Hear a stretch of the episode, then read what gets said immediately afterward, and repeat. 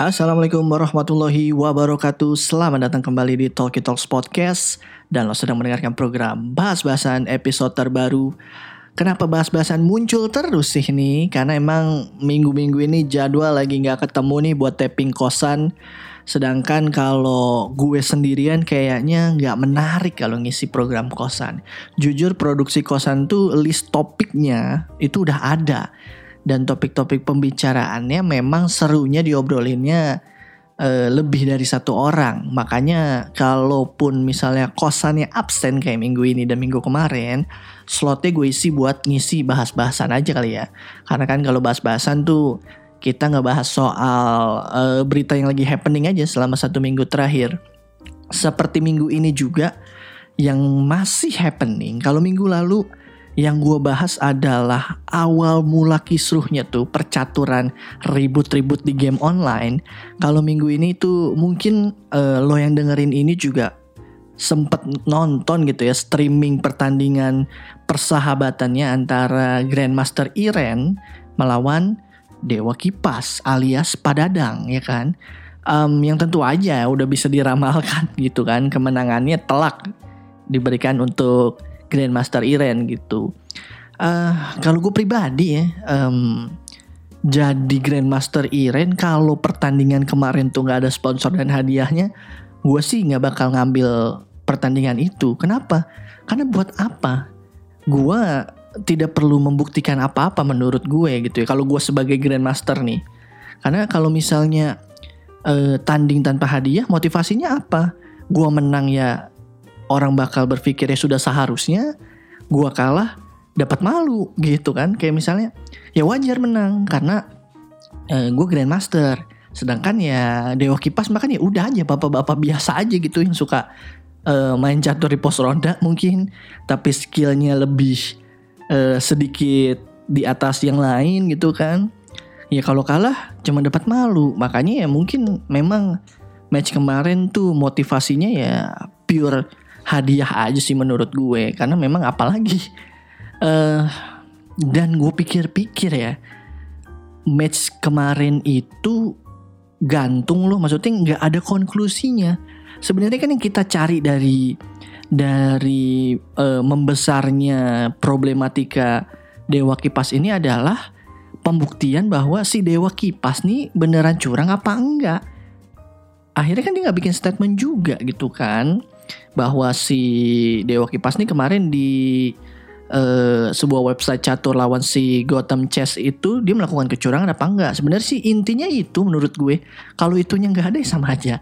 Ya udah gitu komoditi hiburan aja dan dan nggak ada konklusinya menurut gue. Ya nggak ada nggak ada masalah yang terselesaikan. Cuman memang poin plusnya ya gue yakini um, catur ya menjadi hype lah ya. Maksudnya walaupun mungkin sesaat tapi seenggaknya nama catur tuh naik lagi. Kayak misalnya uh, gue pribadi kan sejujurnya jarang ya dengar komentator catur kayak pertandingan kemarin itu. Kayak menyebutkan bidak eh langkah-langkahnya itu dengan dengan angka dan huruf kan ya. Memang gue tahu tuh ada misalnya C5, misalnya A1 kali ya, B2, F4, F16, kontrol, alt del gitu kan. Maksud gue kayak itu tuh um, uh, sesuatu hal yang baru buat gue. Jadi kayak oh gini ya berarti komentator catur ya. Ada ada ada informasi juga lah ya yang didapatkan. Ya selamat lah buat keduanya karena menang 200 juta kalah 100 juta cuy. Lu main apa? Main main FTV aja. Seorang Raffi Ahmad aja untuk syuting beberapa jam gitu ya. 50 juta doang. Ini kemarin kayaknya pertandingan juga nggak lama-lama banget tuh. Dapat 100 juta tuh. Dewa Kipas ya kan? Kipas kipas pakai duit. Berita berikutnya datang dari cabang olahraga sepak bola Indonesia yang di mana memang gelaran sepak bola Indonesia ini sudah diperbolehkan bergulir. Gue nggak tahu ini antara Liga 1 atau kompetisi lainnya. Tapi kemarin tuh mempertemukan antara PSM Makassar melawan Persija Jakarta. Tapi gue nggak mau ngebahas soal pertandingannya. Tapi di mana yang gue bahas kali ini adalah uh, kasus rasisme yang menimpa striker dari PSM Makassar, Patrick Wanggai. Di mana setelah pertandingan yang dimenangkan oleh PSM Makassar dengan skor 2-0 itu, Patrick Wanggai sendiri menjadi korban rasisme di kolom komentar Instagram miliknya. Karena mungkin ya banyak oknum-oknum dari supporter lawan yang nggak terima atas kekalahan tersebut. Uh, rasisme emang bukan barang baru ya, apalagi di sepak bola. Karena di luar negeri pun FIFA mati-matian banget buat mengkampanyekan anti rasis. Mungkin kalau di luar negeri lo um, pernah lihat di lapangan bahkan sampai dilempar pisang segala macem. Kasus terbaru juga kalau nggak salah Dembaba ya. Dembaba tuh kan sekarang jadi official coachnya, bukan official coach sih, kayak timnya gitu ya, official tim gitu. Uh, dia juga kemarin kalau gue nggak salah sempat juga kena rasis dari oknum wasit bahkan ya gue nggak tahu nih uh, gue sih berharap PSSI bertindak cepat nih buat ngatasin masalah ini gitu karena um, ya gue nggak gue nggak nggak tahu harus gimana sebetulnya. Karena di dunia juga sulit banget ditanggulangi orang-orang kayak gini. Kadang gue mikir gitu ya. Gue sendiri suka sama sepak bola gitu. Walaupun gue nggak terlalu ngikutin sepak bola Indonesia. Tapi kadang gue berpikir ketika memang udah menjadi die hard fans apakah harus gitu ya menjadikan musuh lo tuh buat buat menjadi pelampiasan atas kekalahan yang lo derita gitu. Kadang kan kalau lo coba mikir lebih jauh gitu ya, at the end of the day dia kan orang Indonesia juga gitu kan, di mana memang ya ntar kalau membela timnas ya walaupun gak tau ya Patrick Wanggai masih dipanggil apa dipanggil lagi apa enggak, tapi kan lo nanti ya itu juga jadi idola lo gitu. Jadi kadang gue mikir apakah harus ya sampai kayak gitu gitu sih ya gue berharap eh, kedewasaan dari semua supporter sepak bola Indonesia gitu ya. Jangan sampai hal-hal kayak gini tuh kejadian. Um, gue sih nggak nyalahin bahwa lo menjadikan tim lo itu pujaan yang yang yang bener-bener lo tuh cinta mati. Tapi ya balik lagi kalau misalnya ini sesama gitu ya. Lo lo ini tim di Indonesia gitu loh. Walaupun gue juga nggak membenarkan kalau tiba-tiba lo nyerang nyerang supporter asing gitu ya. Tapi kan maksud gue ya bisa lah dipikir-pikir lagi gitu tingkat tingkat kedewasaan lo dalam menjadi supporter. Mudah-mudahan masalahnya cepat beres ya. Demi kemajuan sepak bola Indonesia Berita berikutnya yang mau gue bahas bukan dari area olahraga tapi dari kebijakan terbaru Gubernur DKI Jakarta Bapak Anies Baswedan di mana beliau sudah memperbolehkan sepeda non lipat nih guys masuk ke MRT. Waduh, gile. Bentar lagi tukang kopi nih boleh masuk. Um, gue nggak tahu apakah kebijakan ini bakal mempermudah orang-orang, tapi gue pribadi ngelihatnya kayaknya bakalan jadi sumpek ya karena memang seharusnya yang boleh ya sepeda lipat aja biar nggak terlalu banyak makan tempat. Tapi di satu sisi mungkin gue ngerti Pak Anies Baswedan ini mau mengakomodir orang-orang yang uh, naik sepeda supaya menjadikan sepeda uh, menjadi pilihan transportasi utamanya sehingga dipermudah melalui MRT gitu. Jadi kalau lo ngantor di Jakarta dan daerah rumah lo mungkin daerah yang dekat dengan stasiun MRT, ya lo bisa naik sepeda gitu dipermudah dengan MRT. Itu ada bagusnya juga gitu ya. Jadi orang-orang terbiasa naik sepeda, mungkin mengurangi kemacetan, polusi polusi polisi polusi Jakarta juga uh, berkurang mungkin ya. Tapi ya nggak tahu apakah itu akan jadi mengurangi kenyamanan eh, MRT ya di saat misalnya eh, perkantoran nih kehidupan udah kembali normal gitu ya atau dengan new normal di mana orang-orang yang biasa menggunakan MRT ini udah kembali bekerja normal. Kebayang nggak di di di di waktu-waktu padat jam kantor pulang dan berangkat gimana penuhnya MRT dibarengi dengan eh, sepeda-sepeda gitu ya kan? Waduh. Gue aja bayangin ini udah capek. Gimana orang yang naik ya um, apalagi mungkin kan uh, selama masih pandemi ini jaraknya bahkan nggak boleh deket-deketan. Gimana tuh akhirnya men mensiasati gerbong-gerbong MRT yang nggak begitu besar? Ditambah diperbolehkan kereta ditambah juga lu harus jaga jarak. Wah naik MRT aja ribet banget tuh jadinya. Tapi mudah-mudahan ini juga jadi solusi terbaik ya buat para pesepeda menjadikan sepeda pilihan utama transportasi ketika lo punya kegiatan memasuki daerah Jakarta. Ya mudah-mudahan ini keputusan terbaik. Kalau gue sih ikut aturan aja bos.